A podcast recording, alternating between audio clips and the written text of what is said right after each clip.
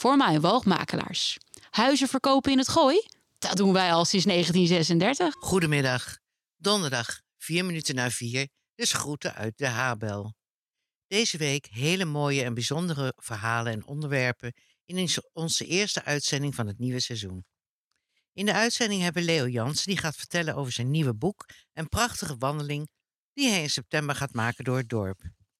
Marjolein Paats en Datje van Rijendam komen praten over de dorpspicnic op de Brink en Ellie Kramer over het afscheidshuis in Eemnes.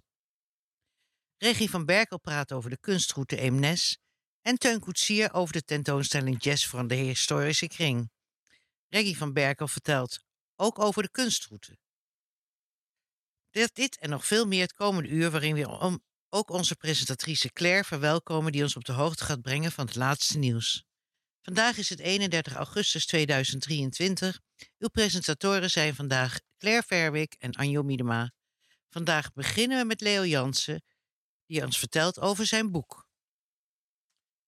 Leo, onze welbekende dorpsgenoot Leo Jansen, heeft nu plaatsgenomen aan de praattafel. Welkom Leo. Ik ben altijd heel blij met jou als gast. Je verhalen zijn altijd geweldig en we mogen ons er nu ook op verheugen dat je weer een nieuw boek over Laren geschreven hebt met 92 van die prachtigste verhalen. Vertel, wat gaan we lezen?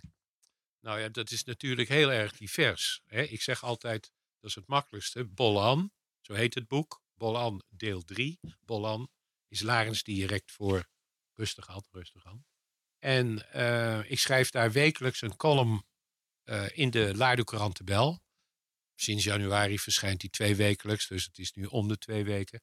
Maar goed, de afgelopen 90 verhalen die ik geschreven heb, die heb ik gebundeld. Daar heb ik de foto's bij gezocht. 350 foto's in kleur, full color, hardcover. En ja, ik probeer altijd het boek zo mooi mogelijk uit te geven.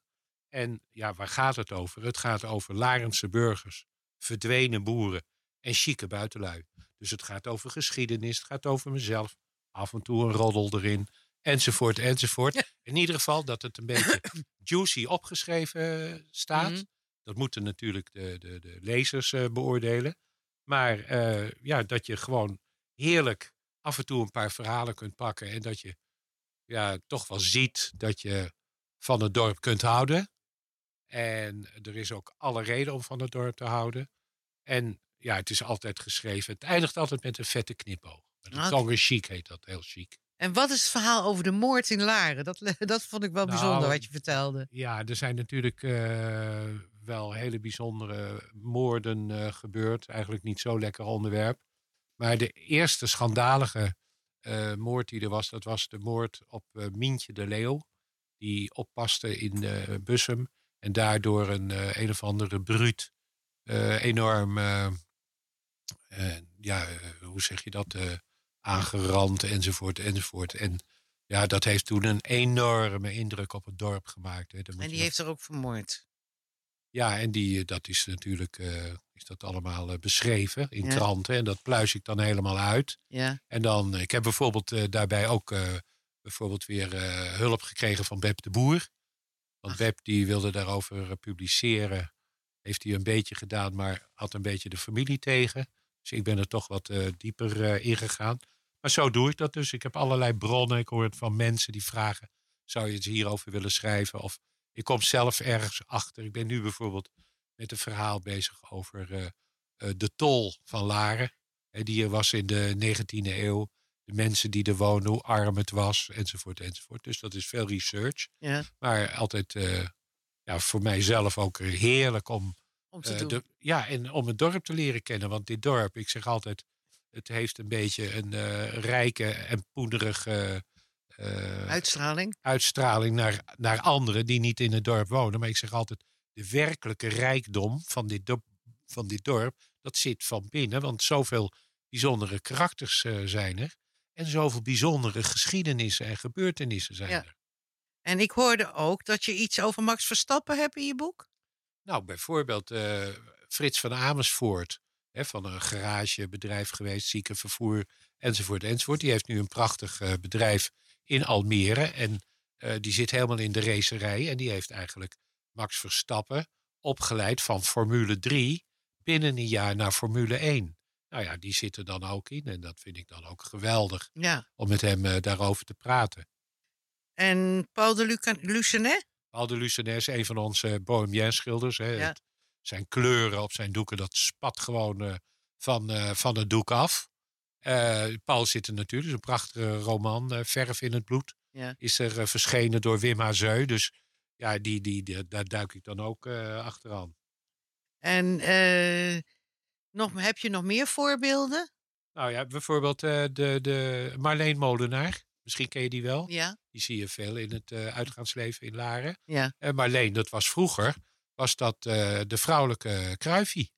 Die was zo getalenteerd qua voetballen, dat Ja. die, eh, bijvoorbeeld Pim Doesburg was een hele beroemde keeper. Ja. En eh dan mocht zij, omdat haar vader, die was een grote man bij, bij AZ eigenlijk, en Ja. haar oom. En die mochten toen meedoen met de Tros eh, penalty bokaal of zoiets. En toen mocht zij ook schieten. En toen zit hij van nou, kom maar een stukje dichterbij. Nee, zus. En tussen op de afstand. En ze pegelden er gewoon drie eh, in bij Pim Doesburg. Weet je, nou dat soort eh, gekke verhalen. Maar het gaat ook over Nico Koppel. Nico Koppel, een tegelzetter. echt een geboren, getogen laarder. Woont nu in Eemnes. Maar groeide op voor gallig en rat. beklom de Sint-Jans-Basiliek. En zag beneden dat de politie hem in de gaten dat hij eraan kwam. Dus die ging weer snel naar buiten, ging helemaal via de achterkant van de basiliek. En de politie kon hem niet meer vinden, weet je. Nou, dat soort bravoerverhalen, die zitten er ook in. En eh, ik heb begrepen dat je daarnaast heb je in samenwerking van het Brink, met het Brinkhuis weer een van je beroemde wandelingen georganiseerd. Nou, Wanneer dat- gaat deze plaatsvinden? Ja, dat gaat eh, plaatsvinden in eh, september, eind september. Maar ehm, eh, het is meer een initiatief van het Brinkhuis. Oké. En ik heb het nu, even kijken, drie keer gedaan. En mensen vinden het leuk. Eh, we gaan anderhalf uur, eh, twee uur, gaan we echt langs hele beroemde eh, huizen, plekken, Ja. mooie geschiedenissen. Bijvoorbeeld over het Rozenlaantje. Hè, daar heeft ingenieur, Oh ja. ingenieur van Gogh heeft daar gewoond. Echt waar? Ja, en die moet je voorstellen, die had dus zeg maar een enorm bezit van alle van Goghs. Ja. En kun je je voorstellen dat op het toilet in het Rozenlaantje bij ingenieur van Gogh er drie van Goghs op het toilet hingen. En boven de eettafel de, de aardappeleters. Weet je, over al dat soort dingen, daar schrijf ik over. Oké. Bijzonder. En eh, met de wandeling eh loop ik daar langs. Eh, het Rozenlaantje is überhaupt gewoon hele bijzondere mensen. Albert Tijm heeft er gewoond. Eh, Hector Treup, de gynaecoloog. Weet je, Ja. Dit dorp is zo rijk aan verhalen. En, en als je er doorheen wandelt, ja, dan eh, is het alleen maar genieten. Oké. Dus we kunnen dan heel veel van deze verhalen verwachten. Ja. Ik denk dat ik mee ga lopen deze nou, keer. dat, eh, Lijkt me je uit. hartstikke leuk. Hartstikke goed. Zeker. Eh, men moet zich aanmelden in het Brinkhuis. Bij het Brinkhuis. Op Bij de het website Brinkhuis. van het Brinkhuis. En daar eh, dan kun je meedoen. De, de vorige keer waren er een stuk of 16. Dus dat is, dat is een mooie groep. En dat Ik is ongeveer keertje 2,5 22 gehad. kilometer. Nee, het is 10.000 passen. Oké. Dus het is ongeveer 6, 6, 7 kilometer. Maar we doen het rustig en ik, ik vertel veel en eh, we stoppen regelmatig. Dus En ze krijgen er nog een kopje koffie bij ook. Hè? daar beginnen ze mee Daar zelf. beginnen ze mee. Ja. En En- friandise, dus dat zijn van die hele kleine Wat lekkers. koekjes voor in je kiezen. Ja. in je kiezen. Oké, nou hartstikke leuk. Dankjewel dat je hier was. En het boek, Ja, dat is het belangrijkste. Ja. Het boek verschijnt 14 oktober in de Larense Boekhandel. ja. Daar wordt het gepresenteerd. Dus tegen die tijd dan... eh, Dan zie ik je nog een keer hier met het boek. En dan kunnen we daaruit eh, Ja. nog wat leuke dingen halen, heel denk goed, ik. heel goed. Gaan we zeker doen. Dankjewel voor je aanwezigheid weer bij ons. Oké, veel succes. Hè. Ja, even kijken hoor. Dan gaan we naar Ellie Kramer. Die zit ook al naast eh, Leo. En terwijl Leo afscheid neemt van ons, gaan wij eh, beginnen over uw beroep als begrafenisondernemer en initiatiefnemer en uitvoerder van het afscheidshuis in Eemnes. Ja, klopt inderdaad. Je bent een geboren Larense, Ja. woonachtig te huizen, maar werkzaam in Eemnes. Je Ja. dacht, ik neem de hele bel. Ik doe een combi. Ik doe een combi. Ja, ja. Ik kon Eh, niet kiezen. Je kon- Sinds 2017 ben je werkzaam in de uitvaart. Hoe kom je nou toe om uitvaartondernemer te worden? Eh, ik heb dat eigenlijk al heel lang gewild en altijd gedacht. En ook Maar mee- waarom? meegekregen. Ja, waarom? Eh, ik had altijd wel een bondje met de, de dood. Oké. En geen idee waar dat in is ontstaan. Daar heb ik ook geen ervaringen mee, volgens mij. eh, althans niet bewust.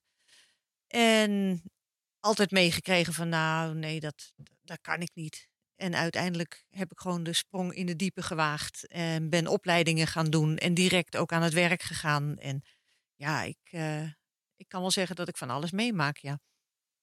En dus ook alles gedaan heb van catering, van in de kerk staan, eh rouwchauffeur, eh, overbrengen, verzorgen. Dus behalve het regelen van de hele uitvaart, is jouw specialisme zijn zorg en opbaren, begrijp ik? ja. En daarnaast, Ja, eigenlijk doe ik, doe ik alles. Dus ik probeer ook mee te denken. Nou nee, ik denk altijd mee, maar ik probeer ook de oplossingen eh, ook aan te dragen voor de mensen die iets willen wat, eh, wat bij hun past. En is het dan zo dat als bijvoorbeeld iemand al, wie's, wie's dood zou ik haast zeggen, al aangekondigd is, want je weet gewoon van nou, dan, dan krijg ik euthanasie en dat die vooraf al met jou spreken? Zeker, ja. ja. Dan ga ik van tevoren, dat is een voorbespreking, dan ga ik naar de mensen toe en dan ga ik eerst eens luisteren wat de situatie is. En vaak hebben zij er zelf dan al een heel beeld van. En ja, dat is heel mooi. Zeker als je nog iemand hebt kunnen leren kennen. Ja, maar dat is vrij nieuw natuurlijk in de, volgens mij in de uitvaart. Ja, ja, ik promoot het wel heel veel. Ik vind het ook zo belangrijk dat mensen weten wat, eh, wat je kunt. En dat je het niet van die ene week laat afhangen. Dat je alles in die ene week moet proppen. En, Als je van tevoren het overlijden weet, dat je dan en ja, dat, dat noteer ik dan ook voor de mensen. Zodat ze gewoon een, eh, nou ja, in het bovenste laadje een, eh, een mapje hebben waar alle wensen in staan. En dat mocht het zover zijn dat kinderen of kleinkinderen, wie dan ook, weten, we moeten even in het laadje kijken. En de rest wordt dan even goed wel ingevuld. Maar, en eh, geregeld. maar het, is, he- het geeft de mensen ook heel veel rust om te weten wat er mogelijk is. Oké. En vind jij het niet moeilijk om dan al persoonlijk met iemand contact gehad te hebben die je dan daarna moet gaan opbaren? Nou, het, ja, ik vind het heel mooi. Het, je, je, hebt, je staat zo dicht bij de familie. En als je iemand dan inderdaad ook nog gekend hebt, ja, dat, dat is heel mooi. Dat is, en zeker als je dan ook nog kan verzorgen samen Ja. met de familie. Ja, dat, dat is echt. daar ben ik dankbaar voor dat ik daarbij mag zijn. En nou heb je een nieuw project gestart, het afscheidshuis Eemnes. Ja. Wanneer gaat het open? Eh, de officiële opening is op 30 september. En dat is van 2 tot 4. En wat is precies het afscheidshuis? Vertel. Ik heb het gisteren gezien. Ik was erg onder de indruk, moet ik zeggen. Ja. Vertel. Eh, het is een bestaand gebouw en dat is de aula van de Algemene Begraafplaats op de Laarderweg in Eemnes. En daar werd niet al te veel meer in eh, georganiseerd, ook omdat er veel meer eh, crematies zijn dan begrafenissen. En eh, ik ben in gesprek gekomen met de gemeente Eemnes en die heeft het mij gegund om, eh, om het over te, eh, te nemen voor, voor langere tijd. Ik huur het. En ik heb daar ehm, een, ehm, eh, een verbouwing in laten plaatsvinden. En daarin kunnen mensen die niet thuis opgebaard willen worden, niet in een uitvaartcentrum willen liggen, kunnen in, in een huiskamersfeer eh, daar gebruik maken van het hele gebouw. En dan ligt de overledene in een aparte kamer. En de mensen kunnen in de huiskamer aan een lange tafel, ehm, nou ja, de ze krant kunnen lezen. Dus of- binnenkomen wanneer ze willen. Ze krijgen een Ja. sleutel. ze krijgen een sleutel, ze, krijgen, ze mogen gebruik maken van alles wat in de keuken staat, dan eh, koffie, thee en alles wat eh, voorradig is. En ze kunnen gewoon ook hun tijd nemen. Het is niet een half uur dat ze even kunnen kijken, maar al zijn ze. Nou, wat mij betreft mogen ze er ook s'nachts blijven, maar dan moeten ze wel een bedje meenemen. Dat heb Nou ik ja, niet ik voor heb, ze, eh, maar ik heb daar ervaring mee dat mijn zoon die heeft de hele nacht met zijn vader ja, Ja, zitten nou ja. praten, die wij thuis opgebaard hadden. ja, En dat is wel heel bijzonder dat dat dan kan. ja, ja, dat kunnen ze helemaal zelf in, eh, indelen. En eh, even kijken hoor. Er hangt een hele bijzondere sfeer in het huis, vind ik. Voelde je dat? Ja, Ja, wel, een hele serene, maar ja. relaxte sfeer. Ja, dat, dat hoop ik ook. En ik kan dat willen, maar ik kan het ja, in zoverre niet eh, maken het, het moet iets uitstralen. Ja, maar Het ik denk dat dat al is door wat jij uitstraalt. Dank je, dat zou kunnen. Ik Dat denk zou dat, fijn de rust zijn. die jij uitstraalt, dat dat al genoeg is. Ehm, even kijken, ik had nog een vraagje. Jij wil ook de. eh, je hebt al wat, wat hobbels moeten nemen, bijvoorbeeld over die, eh, die, die lamp, lantaarnpalen. Ja, ja. Wat, hoe, hoe zat dat? Is daar stikdonker, zeg maar in de winter na vier uur? Ja, dat is niet fijn als je dan in het donker. Je moet al. je, je, je rijdt de parkeerplaats op van de begraafplaats. Dus je bent al echt op de begraafplaats. En als het dan ook nog donker is en je moet in het donker tasten naar het sleutelgat. Dat is niet heel fijn. Nee. En eh, ja, ik ben wat dat er gaat iets te voorbarig soms. Dan, eh, ja, dan ben ik heel enthousiast en dan koop ik de lantaarnpalen al. En dan bedenk ik later dat het misschien, eh, ja, het blijkt dan openbaar terrein te zijn. Want ik huur de aula Mhm. en niet de parkeerplaats officieel. Dus dat had ik aan moeten vragen. En uiteindelijk is de gemeente heel toeschietelijk geweest en gezegd van, nou ja, als dat voor veiligheid is, dan begrijpen we dat ook. Maar ik ben soms iets overenthousiast en heb ik ook eh, ideeën over eh, een begraafplaats. Mag ook een ontmoetingsplaats heten. Dus je mag daar ook wel meer doen dan alleen maar naar het graf om eh, het graf even net te maken of netter te maken. En ehm, nou ja, ik heb heel voorzichtig geroepen dat ik daar ook een bowlingbaan of een, een Jeu de Boelbaan, Jeu de de Jeu de Boelbaan Jeu de wil, wil Oh, op het grind. op het grind wat daar toch niet gebruikt wordt. En dan, ik zie de kleinkinderen daar wel even een spelletje doen, terwijl eh, eh, vader of moeder even bij hun ouders naar het graf gaan. Maar men was daar niet zo enthousiast over, dacht ik, hè? Ja, het moet nog landen. Je moet af en toe eh, een, beetje, een beetje prikken. Oké, nou, ik ben maar heel benieuwd mag je of het gaat verder landen. vertellen. Nee, ik zal het niet verder vertellen. nou, hartelijk dank voor jouw verhaal. En ik hoop dat het fantastisch gaat lopen. Dank je wel. Jij ook bedankt. Oké. Nou, gelukkig eh, gaan we nu eerst even naar het korte nieuws. Naar onze Claire. kom ik toch met mijn korte nieuws. Eh, als eerste heb ik een heel vervelend bericht eh, ontvangen. Dat is dat onze wekelijkse gast, dorpshistoricus Beb de Boer, die op 16 november 90 jaar wordt. Hij is gevallen in zijn slaapkamer en heeft onder andere een aantal ribben gebroken. Hij ligt voorlopig in Tergooi in Hilversum en meldde erg veel pijn te hebben. Hij zou het erg leuk vinden om bijvoorbeeld een kaartje te mogen ontvangen. Zijn adres is Tergooi MC, Laan van Tergooi 2. 12, een- eh, 1212 VG in Hilversum. Geria- Geriatrie afdeling 4, kamer 10. We wensen onze Beb heel veel beterschap.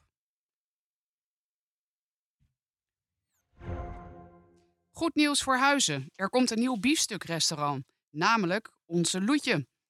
Dit restaurant komt in het restaurant wat voorheen de haven van Huizen was. Wist u dat dorpsdichter van Eemnes Anne Rozenboom het stokje heeft overgedragen aan de dichtersgilde? Dorpsdichter dichtersgilde Eemnes bestaat uit, uit Aleida van Dijk, Gerard Beentjes en Rob Nap. Zij gaan buurtelings diverse gedichten schrijven voor de rotonde. De gedichten kunnen gaan over zowel het dorp Eemnes als over de landelijke thema's zoals Burendag. Dat de reparateurs van de Repair Café Laren weer vanaf 9 september voor u klaarstaan in de blokhut bij de speeltuin Ons Genoegen aan de Smeekweg. U kunt daar dan uw huishoudelijke apparatuur zoals koffiemachines, strijkbouten, stofzuigers en dergelijke aanbieden voor reparatie. Ook tuingereedschap en kleding kunnen worden aangeboden. De reparaties zijn gratis, maar wel wordt een vrijwillige donatie op prijs gesteld. Het Repair Café is elke tweede zaterdag van de maand van 10 tot 1 tot, van 10 tot 1. Tot 12 uur kunt u de reparaties inbrengen. En dat was het korte nieuws, denk ik. Eh, de directeur van het Brinkhuis, Leon Schouten, is hier om ons te vertellen wat we allemaal mogen verwachten dit weekend, 2 en 3 september. Zet even je koptelefoon op, dan gaat het Hoor makkelijker. je dan beter? Ja, dan hoor je me beter. Goedemiddag, Hallo, fijn hier te zijn. welkom. Jullie hebben een drukke line-up. De wachtkamer zit vol met allemaal mensen die iets Ja. willen vertellen. Je bent populair, Anjo. Nou, dat is mooi. Als het gaat meer het programma. Hè? Het programma moet populair zijn. Ja, dat is, dat ik, ben dat niet, is ik één. ben alleen maar het praatvogeltje. Vertel. Nou, we gaan het nazomerweek eind doen in, eh, in en rond het Brinkhuis. Eh, het is eigenlijk een eh, samenvoeging van verschillende ideeën. hadden natuurlijk vorig jaar het nazomerfestival. Waar verschillende verenigingen werd gevraagd om zich te presenteren. Onder andere ook sportverenigingen, scouting enzovoort. Eh, we hebben veel pech gehad met het weer toen. Het was ook niet zo goed bezocht. En bij een evaluatie bleek ook dat met name sportverenigingen eigenlijk niet zo heel veel baat hebben bij zo'n bijeenkomst, bij zo'n weekend. Waar de verenigingen eh, elkaar eh, kunnen, zichzelf Mhm. kunnen presenteren. Eh, dus dat hebben we maar gelaten. En we hebben eigenlijk het omgedraaid. We zijn langs eh, verschillende initiatieven en instellingen geweest om eh, eh, te vragen: vind je het leuk om jezelf te presenteren aan het eind van de zomer of aan het begin van, Mhm. eh, van weer het nieuwe jaar, Ja. schooljaar? Eh, dus we hebben eh, het op, even omgedraaid. Eh, en dat leidt tot een heel leuk programma. Gelukkig is er een combinatie dit keer gekozen met eh Le Boc. Die eh, natuurlijk ieder jaar hun foodtruck festival en hun muziekavond en zondag hebben. Kan je daar iets over vertellen? Want ze konden hier niet komen, want ze waren eh, te druk. Ze hadden geen Oh, tijd. Dat is jammer. Nou, druk met de voorbereiding waarschijnlijk. Ja, ze gaan eh, zaterdag, en dat staat eigenlijk ook in het zomerweekend Mhm. eh, eh, programma, wat ook wel op de website van Hart van Laren te vinden is. Eh, ze gaan eh, zaterdagmiddag beginnen met het Foodtruck Festival vanaf drie uur. Ja. En dat loopt eh, langzaam over in een, eh, in een gezellig eh, muziekfestijn. 's Smiddags is er al, zijn er al wat optredens van een coverband. S'avonds is er nog een andere pop-rockband te horen op het grote podium voor de Basiliek. En ze hebben altijd een groot artiest. Ze hebben een grote artiest. Dat, ik, ik weet niet zeker of dat dit jaar er weer in zit. Maar in ieder geval, ja, Le Boc kennende. En de Je hebt geen idee wie het is in ieder geval. Eh, Je, zal- weet- je zal weet het- het wel, je zal het wel een leuke avond worden. Ehm, en eh Le Boc gaat eh, zondag eh, weer beginnen Ja. met eh, heel voorzichtig eh, muziek eh, Ja. eh, om, eh, vanaf 1 uur. En dan eh, loopt dat weer over in de foodtruck eh, Ja, festival. Het Maar- is echt een weekend, hè? Eh, Zeker. Zaterdag en zondag. ja, want zondag hebben ze ook weer muziekoptredens van onder andere Kim de Boer. Die was er vorig jaar ook. Ja. Een van de Voice-deelnemers van het eerste seizoen. Eh, en eh, zij gaan stoppen op zondagmiddag om 5 uur. Ah, oké. Dat is gewoon een gezellig eh, muziekgebeuren. En wat gebeurt er nog verder vanaf het Brinkhuis? Ja, vanaf het Brinkhuis zaterdagochtend vanaf kwart voor tien starten we met een eh familiemuziekdag door de Gooise Muziekschool. Daar zijn allerlei activiteiten te doen. Kennismaken met muziekinstrumenten. Een ukulele workshop. Een beetje... Ukulele workshop, wat Ja. enig. Ja, jij staat eh, op nummer 1 op de lijst. Dus je wordt verwacht, eh Anjo.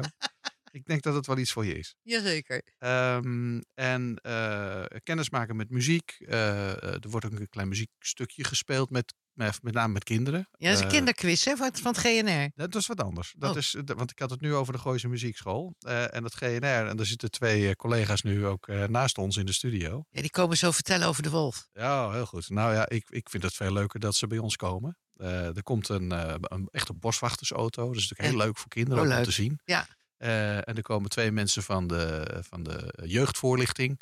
En die spelen een hele leuke muziek, of eh, um, een natuurquiz. eh, van wat er allemaal in de natuur te vinden is. En die quiz wordt met kinderen gespeeld. Er zijn ook kleine prijsjes te winnen. Oh, leuk. En dat doen we ergens, een beetje afhankelijk van hoeveel plaats de foodtrucks gaan innemen. Dus doen we dat ergens op de kleine brink of voor het brinkhuis of op de grote brink. Eh, want de rijt is afgesloten, dus eigenlijk is Je kan het de kleine en de grote brink eh, wordt één terrein. Eh, Stichting Oude Landbouwgewassen komt ook. Die hadden vorige week einde hun, hun oogstfeest, maar die komen weer hun producten presenteren.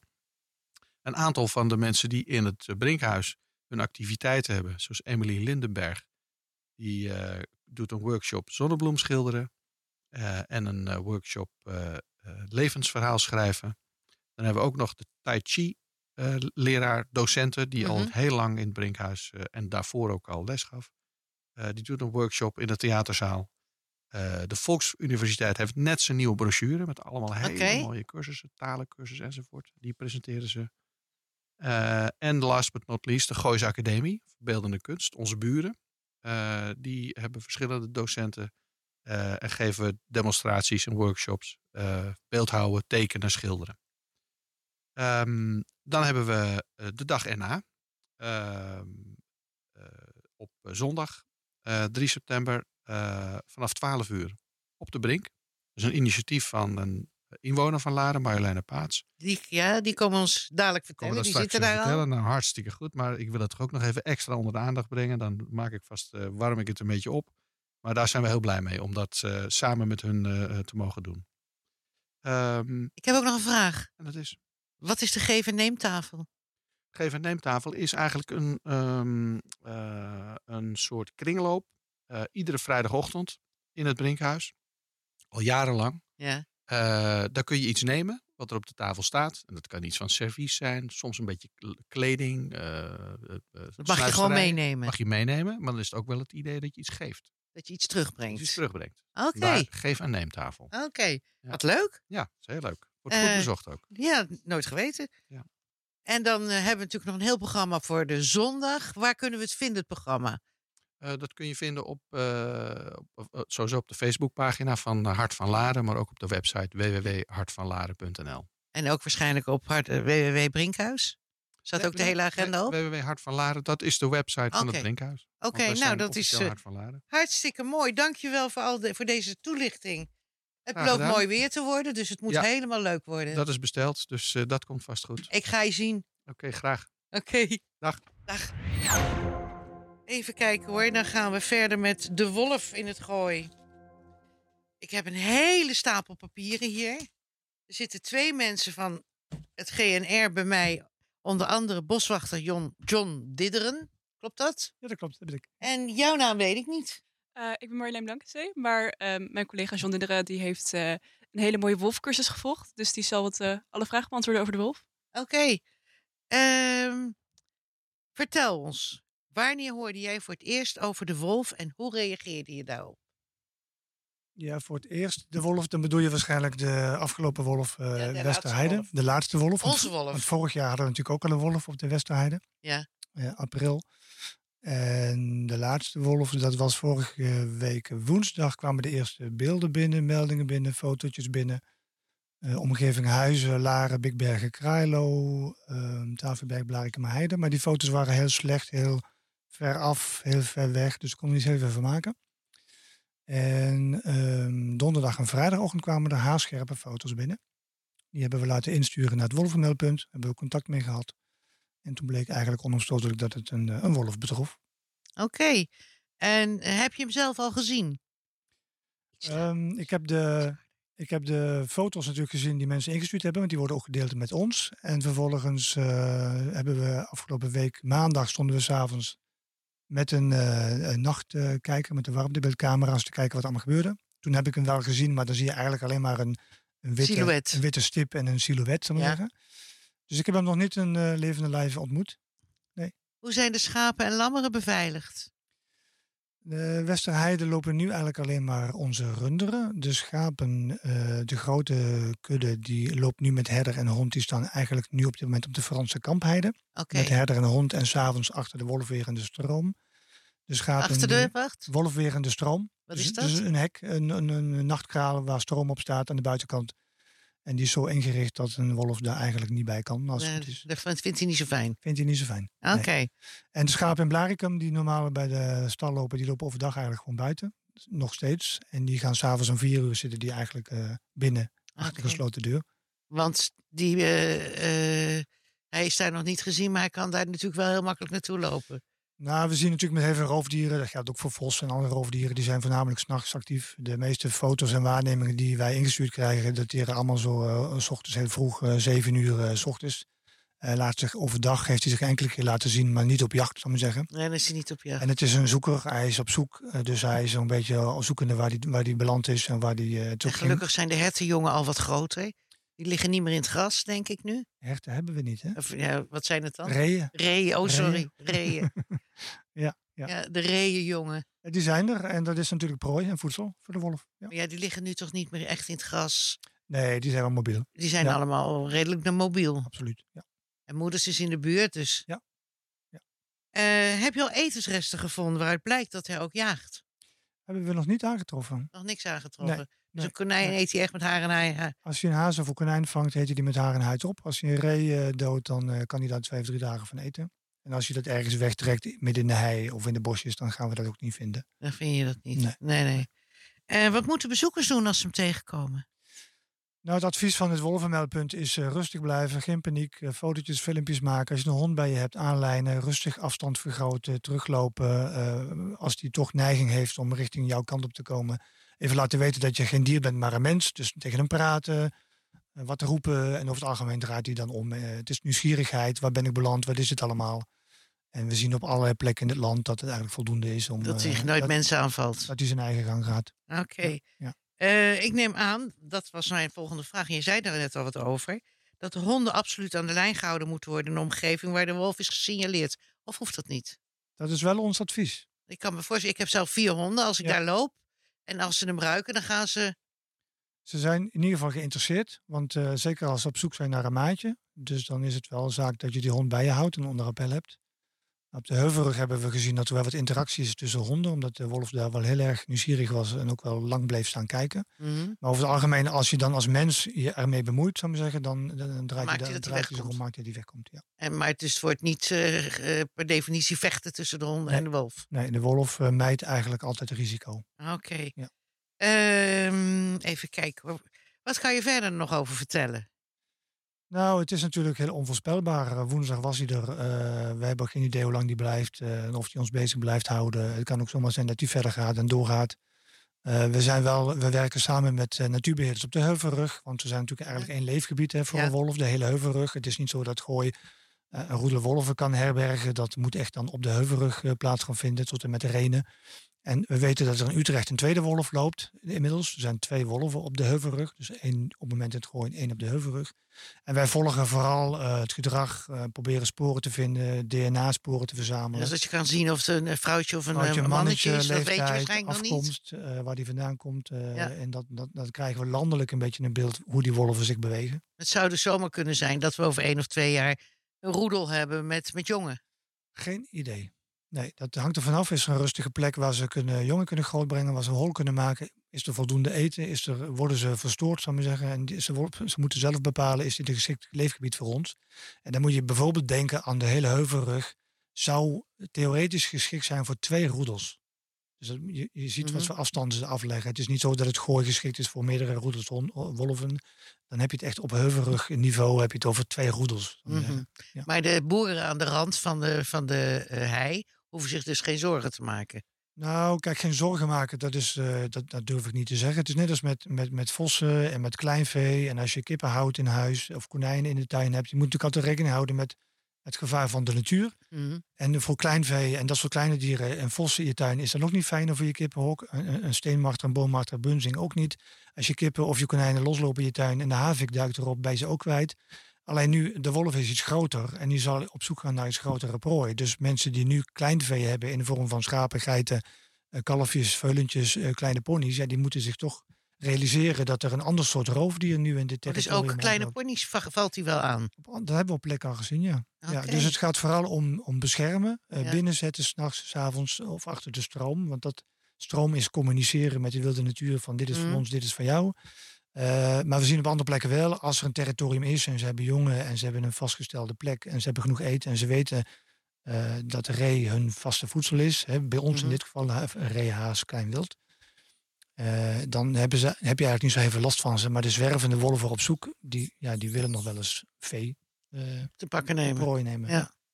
Nou, wat een mooi verhaal, dankjewel. Ja, graag gedaan. En als je veel meer weet over de wolf, bel me even en kom het weer vertellen hier. Want ik vind het ontzettend interessant. Gaan we doen. Oké, dank Hey, je. graag gedaan. Zeker. Denk het wel. Ik zou mijn kleine hondjes maar heel goed eh, vasthouden op de hei. Even kijken hoor. We gaan naar het volgende verhaal. Dat is de Lindenhoef, de historische kring. Oftewel, Teun Koetsier zit bij mij. Zeker, Anjo. Hoe is het met eh, de echtgenote in Californië? Of waar is ze in Het Florida? is goed. Die, heeft, eh, die is geëvacueerd geweest en is inmiddels weer terug. Oh, gelukkig. Dus uh, Dus goed afgelopen. ja, ze zat net onder het punt waar het oog van de, van de hurricane aan land kwam. Ja. Dus ze zat niet op het meest gevaarlijke punt. Maar het is Oh. goed afgelopen wat haar betreft. Ze Het is volgens dus mij überhaupt behoorlijk goed Ze afgelopen. heeft weer een spannend avontuur beleefd. Ja, dat, zij beleeft altijd wat, Ja, joh. En ik zit hier in wat. Laren. Je had mee moeten gaan. Had ik moeten doen.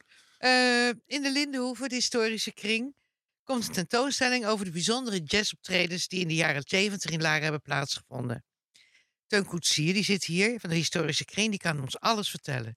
Wanneer wordt de tentoonstelling geopend en wat is de aanleiding hiervoor? Eh, de tentoonstelling wordt aanstaande zaterdag om twee uur geopend, in de Lindenhoeve dus. En eh, de aanleiding is dat eh 50 jaar geleden het Internationale Jazzfestival naar het Zinger kwam. En dat tegelijkertijd gebeurde er van alles.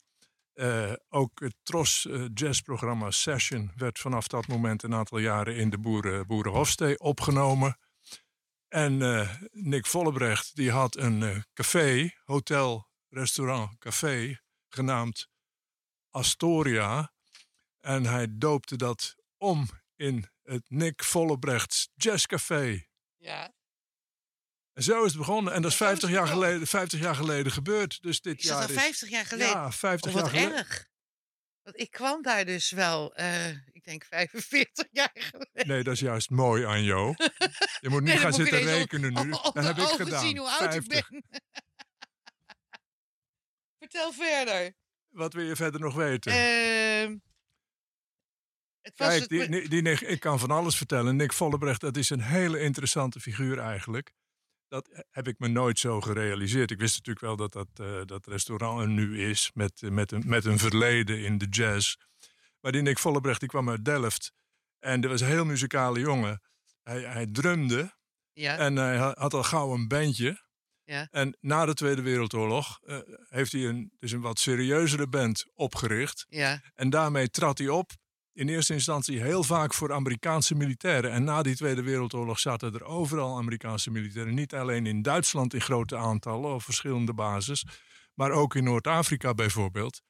En omdat dat een leuk jazzbandje was, werd hij meer en meer uitgenodigd. oké. En, en daar ontmoette hij dus allerlei sterren.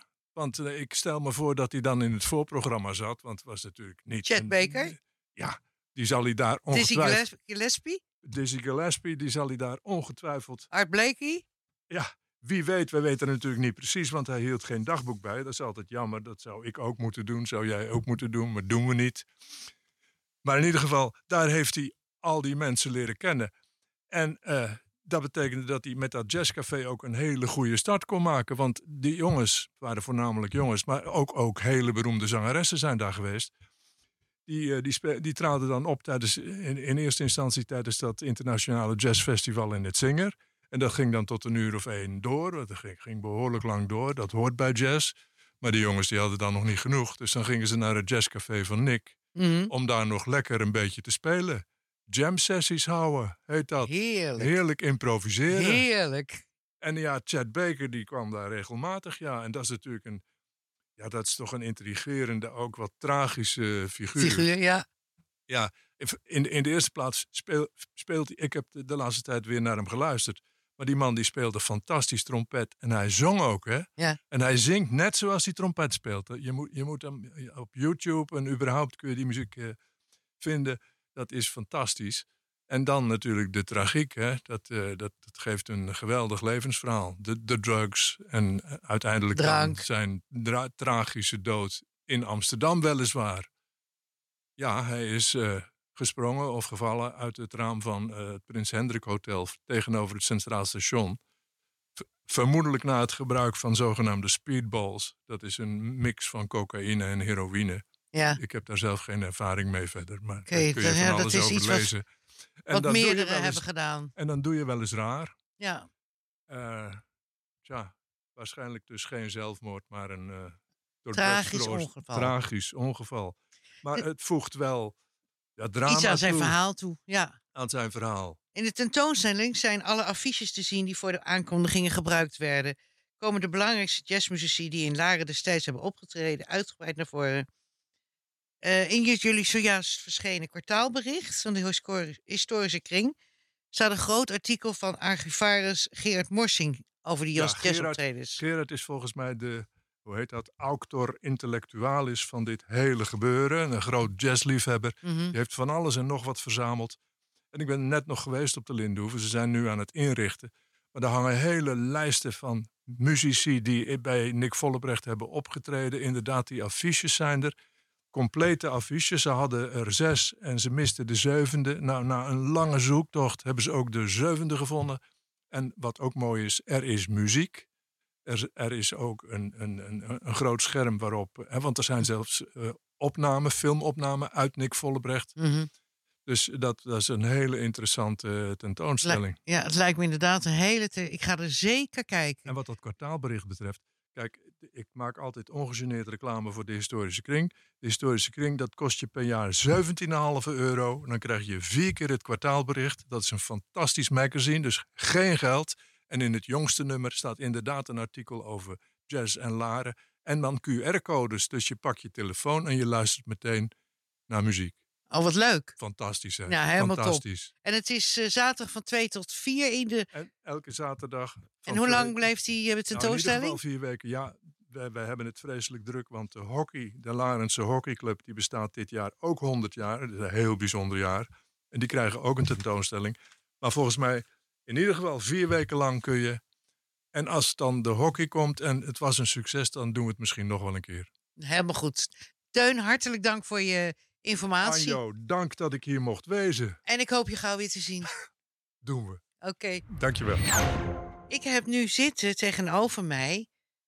Ik denk dat jij Marjoleine bent. Ja, dat klopt. Goedemiddag. Van Rijen, Marjolein Paas en Datje van Rijendam. Ja, er komt nog een dame bij aan tafel. Ja, Helemaal gezellig. Oh, jullie komen vertellen over de dorpspicknick. Het wordt heel erg leuk. Het is recht tegenover mijn huis, dus ik kan er ontzettend van genieten. Dames, vertel. Waar komt het idee vandaan om op de brink een picknick te houden? Nou, ik was al een tijdje bezig met uh, het idee wat ik met natuur in verbinding zou kunnen gaan doen. En terwijl ik daarover aan het nadenken was, kwam uh, de milieucursus van IVN op mijn pad. Die ben ik gaan volgen. En um, een van de opdrachten was om een actieplan te maken. Wat is IVM? IVN is um, uh, Instituut voor Natuur. Oké. Okay. En die cursus en, heb je gedaan? Uh, die geven cursussen en, en opleidingen over natuur. Ik ga er ook een uh, natuurgidsenopleiding volgen nog. En uh, om mijn wandelingen meer verdieping te geven. Dus tijdens het wandelen niet alleen maar bezig te zijn. Maar je organiseert ook wandelingen? Ja, en dat is de bedoeling. Om dan ook tijdens het wandelen over natuur te gaan vertellen. Dus dat is stap 1. En het andere was um, ja, dat ik heel erg zoekende was. Wat ik dan ook in mijn eigen omge omgeving kan doen. Met de mensen om me heen waar ik woon. Om verbinding te krijgen. en te kijken wat ik met mijn eigen woonomgeving buiten in de natuur zou kunnen gaan organiseren. En um, nou, het toeval wilde dat de wethouder van Laren, Jan van Midden, die kwam op buurtbezoek bij ons in de buurt. Dus ik denk, nou, daar ga ik naartoe. Ik ga mijn actieplan even voorleggen bij hem. En hij vond dat een heel leuk idee. En, en hij. Uh, jij hebt dat je meegekregen in jouw ja, plannen. Ja. Vertel ja. dat je. Ja, uh, ik kwam ook op het buurtbezoek van Jan van, van der Midden. En uh, toen zeiden zij, we hebben net een inwoonster gesproken. En die wilde graag wat organiseren voor, de, voor Laren.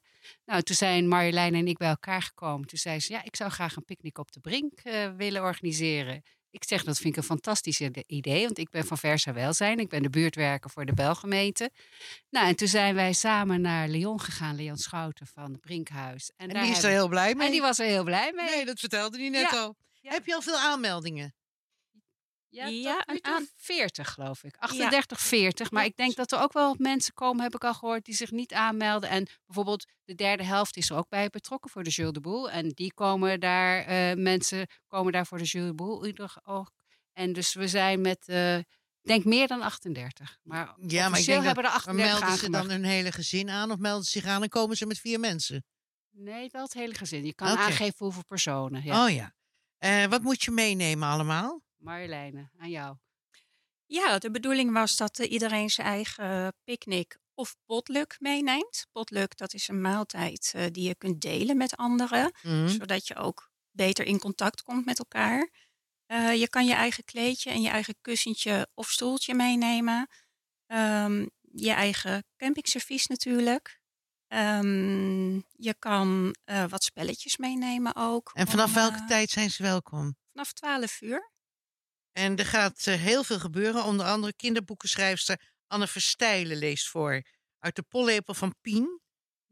Zij, zij heeft een kookboek geschreven voor kinderen en dat eh, komt zij daaruit voorlezen. Oké. Dus daar, kunnen, ja, daar hebben we dus, maken we dus een speciale eh, kring voor dat mensen daarnaar kunnen luisteren. Maar we hebben ook nog andere spellen zoals Jeu de Boel. Ja, ehm, verbindende spellen Allemaal verbindende dat. spellen, inderdaad. alle leeftijden. Ja, natuurkwartet. We hebben ook een tekentafel voor kinderen. Oh, wat leuk. Dus voor ieder, aan iedereen, voor iedereen is er wel wat. En Ja. de weg eromheen is afgesloten? Nee, dat niet. alleen ja, natuurlijk voor de, het Food Truck Festival. Maar Ja. de Brink zelf is gewoon open. Dus je moet wel goed opletten op je kleintjes dat ze niet de weg oplopen. Ja, daar moet je wel op opletten. Oké. Nou, het klinkt ontzettend leuk. Alvast heel veel plezier eh, zaterdag. Ik kom absoluut Zondag, zondag, Zo- zo- zondag. Zondag. Zondagmiddag om 12 uur. Zondagmiddag om 12 uur. En ik kom zeker even kijken. Gezellig. Dankjewel. Dank je, Anjo. We gaan even verder met de rest van het korte nieuws. Gezo- gezocht. Een koper voor de duurste villa van Nederland. Dit prestigeproject staat in Laren, aan de rand van de Zuiderheide. De vraagprijs is meer dan 30 miljoen euro. Leslie de Ruiter van Christie's International Real Estate is samen met Jacques Walg van Forma en Walg Makelaars de verkopende makelaar van het Larense pand. Het is volgens hen het grootste, bijna 3500 vierkante meter vloeroppervlakte en de meest exclusieve mansion van Nederland. De imposante villa is naar verluid ook het duurste huis van Nederland. Modici Damesmode Laren doet normaal nooit aan uitverkoop, maar dit jaar bestaat Modici 25 jaar en dit vieren ze samen met u tijdens de Street Sale van Laren. De rode loper ligt uit naar de tent achter de winkel met de mooiste luxe damesmode items, ook in grote maten. U bent uitgenodigd. De onthulling van. Het gemeentebestuur van Laren verhuisde in juli officieel naar de Eemnesserweg, van de Eemnesserweg naar het Brinkhuis in Laren. Dit viert de gemeente graag met, met u, met de inwoners van Laren. Op 4 september om half vijf wordt u uitgenodigd om de onthulling van de gemeenteschild op het Brinkhuis bij te wonen. Om half vijf een heugelijke moment waar de verhuizing van een gemeentebestuur naar het Brinkhuis voltooid is. Na afloop van de onthulling door burgemeester Nanning Mol en Brinkhuisdirecteur Leon Schouten zijn er rondleidingen door de kantoren en de vergaderzalen van het gemeentebestuur. Uiteraard onder een genot van een hapje en een drankje. Tot ongeveer half zeven bent u van harte welkom. En dan als laatste, vooral niet vergeten, vanaf morgen bij Dorpsradio, de Vrolijke Vrijdag. Een verrassende en bijzonder vrolijke serieprogramma's van 8 tot 4. Gepresenteerd door Erik Heuring, Arnold Mostert, Fred Lanson, Jaap Miedema en Sipke de Jong. Dus stem vrijdag af op dorpsradio.nl. Om 4 uur is de Vrij Mimbo. Dit was het korte nieuws en we gaan verder met Anjo. Hallo, daar ben ik weer. Tot mijn grote afgrijzen zie ik nu op de witte muur tegenover mij een gigantische spin zitten. en klaar neemt gelijk de benen. hij is heel groot, maar hij blijft daar eh, nog netjes even zitten. Ja, we gaan als, verder. Eh, als laatste gast in groeten uit vandaag hebben we de bekende Eemnesser kunstenares en duizendpoot Reggie van Berkel, oftewel onze eigen gastvrouw. Reggie, welkom bij mij aan tafel.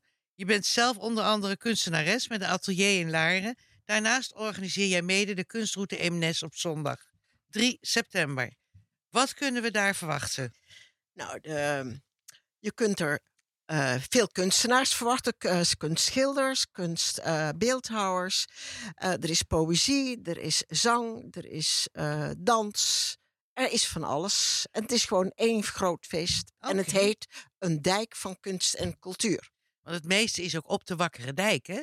En, eh, en een gedeelte van de Meen- Meentweg tot aan de Staghouweweg. Oké. Er zijn dus 33 kunstenaars op 18 verschillende locaties. Daar hebben ze allerlei beelden, schilderijen en andere kunstuitingen. Eh toont langs de route een veelzijdigheid aan creatieve en, en artistieke prestaties van Eemnessers voor iedereen die wil komen genieten. Hoe herken je de plekken waar ze staan? Eh, we hebben vaandels gemaakt. Rode vaandels met eh, drie grijze bollen. Eh, het wapen van Eemnes is drie bisschoppen. Dus wij hebben dat vereenvoudigd in een rood vaandel met drie grijze bollen. En die hangen bij alle eh, locaties, want we zitten op gastlocaties. Je zit soms in een hooiberg, je zit bij mensen thuis, je zit En je eh, kan eh, ook- is- gastmensen. Dus Die kunst is ook te koop? de kunst is te koop, als, ze- als de mensen het willen verkopen. Verkopen. Ja. Eh, bij het Oude Raadhuis op de Wakkere Dijk worden onder andere workshops voor kinderen georganiseerd. Ja. En er is deze keer zijn ook vijf kunstenaars genomineerd Ja. voor de Cultuurprijs. En ik begrijp dat er ook een kinderroute is. Ja. Vertel, er is een kunstroute van, voor Eh, kinderen. de bedoeling was dat we een, je- een jeugdkun, eh, jeugdkinderkunstroute zouden doen. Jammer genoeg zijn er maar twee kinderen die zich hebben opgegeven. En dat vinden we dus een beetje jammer. Maar ze krijgen wel speciaal aandacht. En hun kunst hangt eh, bij het Oude Raadhuis. En de allerjongste die meedoet is negen jaar. Jongen, en die maakt fantastische kunst. En het staat ook hier in de folder. Heb ik ook een foto ervan. Eh, dat is de allerjongste kunstenaar die meedoet. En, Heeft hij eh, dit getekend? ja. Fantastisch. Ja, en dan een jongen van 9 is een jaar. En een meisje van, eh, 16 eh, doet dus ook mee. En Ja. er zijn in het Huis van Imnes spektakeldagen Ik nu. wil even iets vertellen Ja. over, dat, eh, over die jongen van acht jaar. Negen jaar. Ik, die eh, heeft een tekening gemaakt van een levensecht oog. Wat echt heel bijzonder is om te zien. Waaraan je kan zien dat hij ongelooflijk veel talent heeft. Dus daar moet u zeker naar gaan kijken. Zeker weten. Zeker weten. En het was op initiatief van de Jeugdraad. Eh, de jeugdraad heeft in samenwerking met Versa, die heeft contact met ons opgenomen om met ons mee te kunnen doen. En dit hebben we dus eh, samen met eh, jeugdraad en Versa hebben we dat uitgewerkt. Oké. Ja. Nou, ik, ik denk dat het een fantastische dag gaat worden voor jullie Ja, allemaal. En, en eh, nu is er dus vandaag, zijn er, dat wil ik toch nog even melden, spektakeldagen, twee dagen in het Huis van Imnes. En nou zijn er dus, komen ongeveer 250 kinderen. En is er één hele grote, heel groot doek, eh, papier of eh, papier. En dan gaan ze allemaal op schilderen. En dat komt ook te hangen in het oude raadhuis. De jeugd dus die dus nou een hele dag, hele middag kan gaan schilderen. En eh, die, die kinderkunstroute, die hoop ik nu dat die dit jaar wat bekendheid krijgt. En dan hopen jullie volgend jaar veel meer aanmeldingen te krijgen. Wij doen, maar wij doen het nooit ieder jaar. Wij gaan ieder, hoog, eh, eh, iedere twee jaar doen wij de kunstroute. En wij hopen dus dan wel inderdaad. eh, we hebben de pech dat we geen middelbare scholen hebben. En dat is dus, eh, het, wordt dus aan de, mid- het lukt ons maar niet om de middelbare schoolleraren, tekenleraren erbij te betrekken. Maar we hopen dat hierdoor toch meer bekendheid gegeven wordt en er meer kinderen mee gaan doen. Nou, hartstikke leuk, Reggie. Hartstikke bedankt. En gefeliciteerd met je verjaardag. Want toevallig weet ik dat je jarig bent vandaag. Ja. Oké, Dankjewel. tot volgende week. Oké, dankjewel. Tot zover groeten uit, gericht op de Belgemeente. Vanaf morgenochtend kunt u het programma of delen hieruit terugluisteren via dorpsradio.nl. Kijk even door naar programma's en kijk bij Postkast. Vandaag waren uw presentatrices Anjo Miedema en Claire Vorwick. Techniek lag in handen van Jaap Miedema.